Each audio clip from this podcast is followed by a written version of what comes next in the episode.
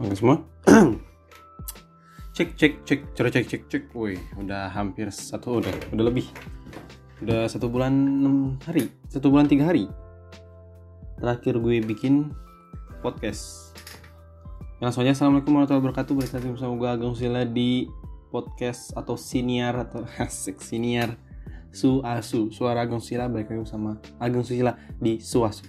Terus saya bilang Gak terasa udah lulus aja dari dunia persekolahan. Hal yang pertama gue sadari sebagai lulusan dari sekolah adalah mau ngapain. Bingung, bener-bener bingung. Nggak ngapa-ngapain lagi gitu. Mau ngapain lagi gitu. Walaupun selama pandemi, jujur aja nih, gue juga nggak ngapa-ngapain. Di rumah doang, bangun siang, ada tugas dikerjain. Tapi setelah lulus, bener-bener gak ada ngapa-ngapain. Gue bangun jam 11 jam 12 siang. Itu bener-bener gak ada apa ya gak ada perasaan bersalah gitu ya. Biasa-biasa aja gitu. Apa ini jiwa pengangguran? Oh my god so freaking free. Nggak gitu lah ya. Daripada gue bingung mau ngapain ya udahlah kita bikin podcast aja. Ih parah banget. Berarti podcast ini hanya untuk ketika gue nggak ngapa-ngapain enggak ya. Beberapa bulan belakangan ya biasa puasa puasa lebaran lebaran baru deh bisa sempet lagi kan ada project-project kelulusan ya SMK gitu kan anjas. Jadi ada project-project kelulusan yang harus dikerjain terus gue ikut beberapa apa course-course online aja jadi ya menyibukkan diri sendiri aja. Uh, gue hari ini mau sedikit bercerita tentang kelas 3 yang terakhir aja judulnya ntar itu aja. Kelas 3 terakhir di dunia persekolahan. Kelas 3 SMA atau SMK gue mau nyeritain hal hal-hal yang menurut gue baik kalau diceritain kepada calon-calon kelas 3 selanjutnya gitu. Dan sekaligus mudah-mudahan juga bisa membantu uh, kelas-kelas 3 yang selanjutnya menjadi lulusan yang walaupun orang tuanya menyesal setidaknya dirinya sendiri tuh nggak nyesel gitu. parah banget gue setelah naik ke kelas 3 ini entah kenapa mental gue sebagai pelajar tuh berkurang. Maksud gue mental dalam belajar gitu. Jadi semangat belajar tuh berkurang banget. Kayaknya sih faktor dari school from home atau SFH ini ada bang ambil bagian yang sangat besar gitu dalam mental belajar gue. Tapi bukan berarti gue nggak belajar. Ya kayak tadi gue ikut course-course online, ikut uh, nonton-nonton tutorial-tutorial di YouTube gitu kan. Dan ya itu secara tidak langsung uh, menuruti hobi sekaligus kemauan kemauan gue gitu.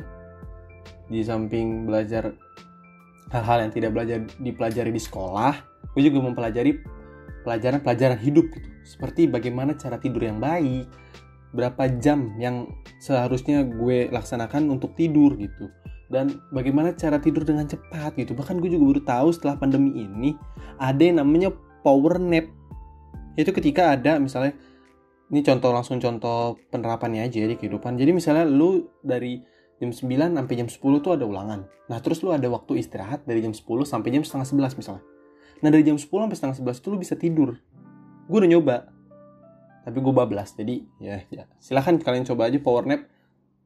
Itu kayaknya khusus orang-orang yang punya refleks atau pendengaran yang baik ketika tidur gitu. Kalau gue bisa sebenarnya cuman sulit gitu. Nah setelah gue menyadari apa yang gue lakukan itu salah karena males gitu semangat belajar turun. Jangan diikutin ya. Apalagi ketika menyadari setelah sekolah kita mau ngapain gitu sebagai mantan pelajar mau kerja. Tapi gue merasa kayaknya ilmu gue di sekolah tuh kurang gitu. Pengen belajar lagi. Mau kuliah tapi mau di mana? Ya kali gue nikah gitu kan. Gue laki mau ngasih makan apaan keluarga gue gitu. Ya dan akhirnya gue harus kuliah gitu. Setelah gue kelas 3 uh, gue akhirnya mengetahui gitu kalau masuk ke untuk jalur kuliah khususnya masuk perguruan tinggi negeri negeri gitu negeri negeri gitu ya.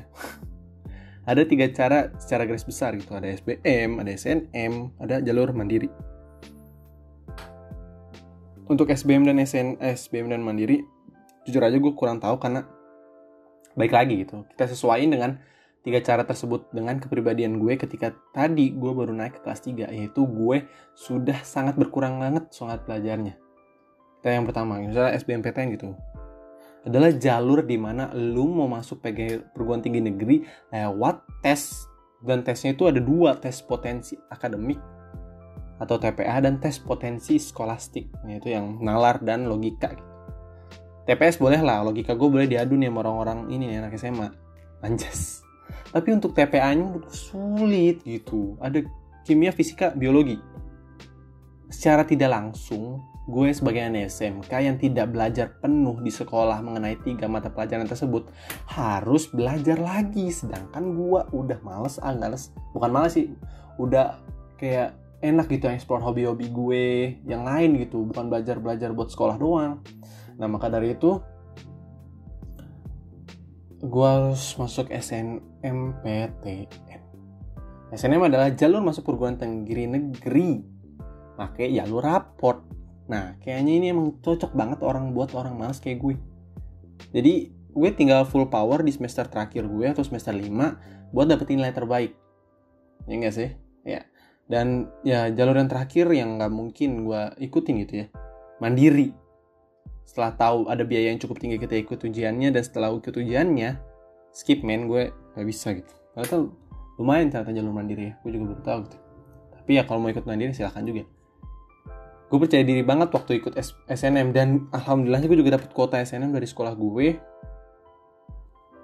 dan gue ngambil perguruan tinggi negeri yang di luar provinsi domisili gue walaupun perguruan tinggi negeri itu paling deket dari rumah gue tapi karena beda domisili provinsi sayangnya sulit dan kita kayak diabaikan gitu lah sama PTN-nya cuma menggunakan nilai rapot yang naik turun terus naik lagi gitu. Gue pede banget maksudnya naik tuh misalnya semester 1 semester 2 naik. Ketiganya turun karena PKL waktu itu. Terus naik lagi dan naik lagi gitu. Tapi karena kurang pengalaman dan ngobrol sama uh, guru BPBK di sekolah akhirnya gue nggak lolos. Karena apa? Ya nanti gue jelasin. Bingung dong pastinya. Gue sebagai pelajar kayak ah gue kuliah nggak lolos lagi gue udah malas belajar gitu kan. Sempat depresi enggak sih. Sempat stres. Sempat ada tekanan dalam diri sendiri gitu neken diri sendiri. Gue harus ngapain gitu karena ya nggak ada semangat belajar SBM gitu. Lalu iklan. Gitu ya. Karena udah nggak ada nggak ada semangat belajar SBM dan nggak mau mandiri juga tapi pengen masuk PTN dan SNM nggak semuanya stres dan pasti perasaan pengen neken diri sendiri buat belajar SBM tuh ada cuman tetap aja nggak bisa karena itu tadi udah nggak ada semangat belajar dan stres akhirnya kan. Dan seperti mukjizat ternyata ada PTN nah ini juga menjadi uh, apa ya mungkin bisa gitu daripada nggak lolos SNM terus kalian ah gimana ya ada jalur lain nggak ya? Ternyata ada gitu ternyata ada perguruan tinggi negeri di bawah e, naungan kementerian gitu yang banyak. Jadi santai aja masih buka. Biasanya sih misalnya SNMPTN e, pendaftarannya udah tutup biasanya dan udah keluar hasilnya justru yang di bawah naungan kementerian ini masih buka pendaftaran. Kebetulan waktu itu gue daftar di hari terakhir pendaftaran gile nggak? Betapa hokinya gue. Dan alhamdulillah keterima. Alhamdulillah lolos. Nah makanya gue sekarang bisa bikin podcast dengan tenang dengan santuy merantui gitu. Nggak nggak nunggu pengumuman SBM lagi anjay. Bukannya maksudnya merendahkan anak SBM ya. Anak SBM good banget gitu ya. Semangat belajarnya ngumpulnya pasti susah. Jadi gue kasih empat jempol jempol kaki kiri jempol kaki kanan, jempol tangan kiri, jempol tangan kanan buat kalian semua yang ikut SBM dan belajar dari awal gitu ya. Nah, karena tahu rasanya ditolak dan tidak lulus SBM, eh SBM goblok. Dan tidak lulus SNMPTN, gue jadi tahu mungkin ya ini faktor-faktor, mungkin nih masih mungkin, mungkin faktor-faktor yang memperbesar kemungkinan uh, kalian-kalian itu lulus SNMPTN di PTN yang kalian tuju misalnya. Nomor satu, jujur aja nih, sekolah kalian. SMA atau SMK atau MA itu sangat mempengaruhi ternyata ya setelah gue ketahui. Karena tapi jujur aja nih juga bukannya mau ngejatuhin mental-mental anak SMA yang pengen ikut SNM tapi memang gitu dari survei yang ada di internet juga kuota SMK untuk penerima SNM di kuota di PTN tersebut misalnya misalnya ah gimana sih? Jadi anak SMK yang diterima SNM tiap tahunnya itu cuma satu persen dari kuota setiap PTN. misalnya di di uh, PTN Babi, PTN BABI gitu ya. Ada 100 uh, di suatu prodi itu nerima 100 orang. Nah, itu 10 orangnya cuma anak SMK. Tapi bukan berarti 10 orang itu satu hal yang kecil gitu. 10 orang tuh gede kalau kalian bisa masuk. Dengan memaksimalkan 10 per 10 orang itu atau satu persen gitu, satu persen kemungkinan kalian keterima itu lumayan gede kok. Jadi ya jangan khawatir bisa dimaksimalin dengan cara ya koreksi diri. Nomor 2, lanjut.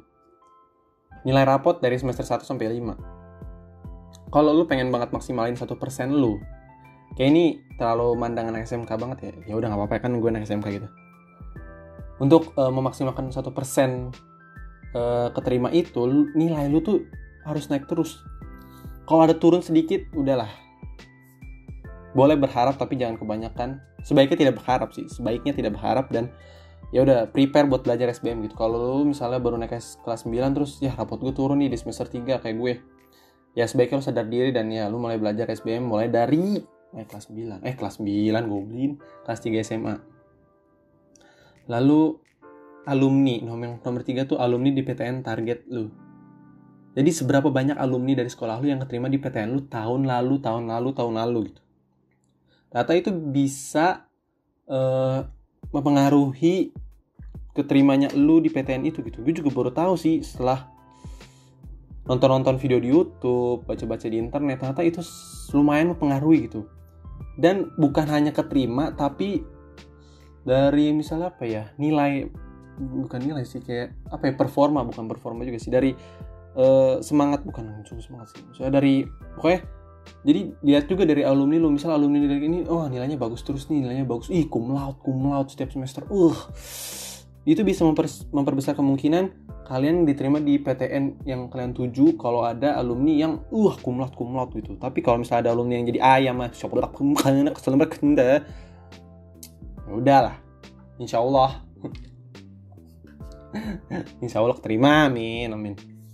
Terus keaktifan eh, pihak BPBK di sekolah itu juga berperan penting. Itu faktor yang keempat gitu ya. BK di sekolah juga menjadi peran penting karena mereka yang mencari berbagai cara dan sumber sekaligus pintu masuknya kalian ke PTN tersebut. Gitu loh. Tapi bukan PTN tersebut sih PTN yang kemungkinan besar kalian bisa keterima. Jadi kayak gue tadi ya karena gue kurang konsultasi ke BK dan sebaiknya kalian konsultasi ke BK karena Konsultasi ke BK adalah hal yang baik untuk menentukan PTN mana yang memungkinkan dapat menerima kalian dengan memperhatikan tiga faktor yang gue sebutin tadi sebelumnya. Jadi biasanya BK udah ngelis nama-nama alumni, ih ini keterima nih tahun kemarin, ini tahun ini bisa nih, ini ikutan aja, nurut-nurut aja menurut gue kalau lu, iya nih, ya pengorbanan sih jatuhnya sih ngorbanin, ya jauh dikit gak apa-apa lah, yang penting keterima misalnya gitu, kan orang-orang beda ya, kalau gue sih nggak pengen. Ya gue karena gak konsul aja mungkin kalau gue konsul mungkin gue ikutin kata-kata BK cuma karena gue nggak ya udah. Terus yang faktor yang terakhir ya hoki atau keberuntungan. Ini terlalu takhayul sebenarnya terlalu apa ya goib untuk dianggap sebagai suatu faktor bisa keterimanya. Cuman tetap gue bahas aja gitu karena sejatinya SNMPTN itu 50-50 setengah-setengah setengahnya emang lu pantas keterima di PTN target lu, setengahnya lagi lu hoki. Karena siswa yang nilainya lebih tinggi dari lu, siswa yang alumninya lebih banyak keterima di PTN itu di tahun-tahun sebelumnya, siswa yang BPBK-nya aktif ke atau bisa ada channel di PTN itu, tapi sayangnya siswa itu enggak daftar di PTN itu. Bayangin. Itulah menurut gua SNMPTN itu terlalu 50-50 Percuma lu di kehidupan nyata jadi bandar togel, menang mulu, main QQ, pas SD main tarikan, padahal cuma bayar seribu langsung dapat yoyo, Tamiya, apa itu? Gue aja cuma dapat kartu sebiji, gambaran. Dulu waktu SD, makanya gue gak hoki banget. Dan ya, SNM pun gak hoki gitu. Percuma kalau lu selalu menang-menang judi-judi gitu. Judi-judi judi, tet. Ya langsung percuma kalau lo jadi bandar togel menang mau main QQ waktu SD main tarikan bayar seribu dapat Tamiya. Percuma kalau pas SNM lu nggak beruntung bro. Percuma.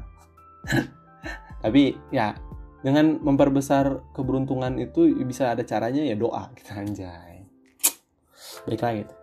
Mungkin itu tadi bisa lah ya mudah-mudahan jadi masukan buat kalian yang calon-calon kelas 3 SMA, SMK atau madrasah aliyah MA gitu ya. Memang bisa bermanfaat untuk kalian semua. Buat yang baru masuk kelas 3 tetap semangat. Dan ya kalau udah tahu 5 faktor tadi cocok banget, misalnya lu udah SMA, anjos, kemungkinan besar keterima tinggi gitu kan. Terus nilai rapot naik terus. Terus ada alumni banyak keterima di PTN yang lu pengenin. Terus BPBK lu aktif ngasih tahu ke lu, wah ini keterimanya di sini aja deh, di sini aja ya. Nurut sama ibu nanti pasti keterima kok. Nah lu udah turutin BK juga terus lu hoki dan beruntung masa. Ih tahun ini gue beruntung banget. Tapi lu nggak keterima. Positive thinking aja men. Walaupun lu dengan lima faktor tadi sangat cocok, positive thinking aja. Karena sejujurnya nih ya, gue harus tauin. Karena sebenarnya nggak semua yang cocok itu bisa bersatu. Kayak gue sama Jihan Weekly, itu cocok gue cowok dia cewek gitu. Kita cocok. Gue sama Jihan Weekly cocok cocok banget. Tapi kita nggak bersatu. Tapi kami nggak bersatu. Ya jadi kalau masih nggak terima ya udah. Itulah karena semua yang cocok belum tentu bisa bersatu aja kenapa jadi sama Jihan Weekly aja apalagi kalau lima faktor yang tadi gue sebut nggak ada di diri lu sekarang gitu. Udah. Boleh berharap tapi lebih baik lu belajar dari sekarang deh dari sekarang bener. Jangan mepet-mepet karena SBMPTN pada dasarnya butuh persiapan yang lebih banyak dari yang lu pikirin sekarang. Iya. Mau mulai dari sekarang nggak? Udah woi. Dari sekarang aja beneran deh. Yakin? Dari sekarang bener dari sekarang. Lah masih dengerin lagi. Orang gue bilang dari sekarang udah. Ih, masih dengerin Udah gue cabut ya. Gue Ageng. Assalamualaikum warahmatullahi wabarakatuh. Kenapa jadi Jihan Weekly Tapi Jihan Weekly cakep sih. Kampret.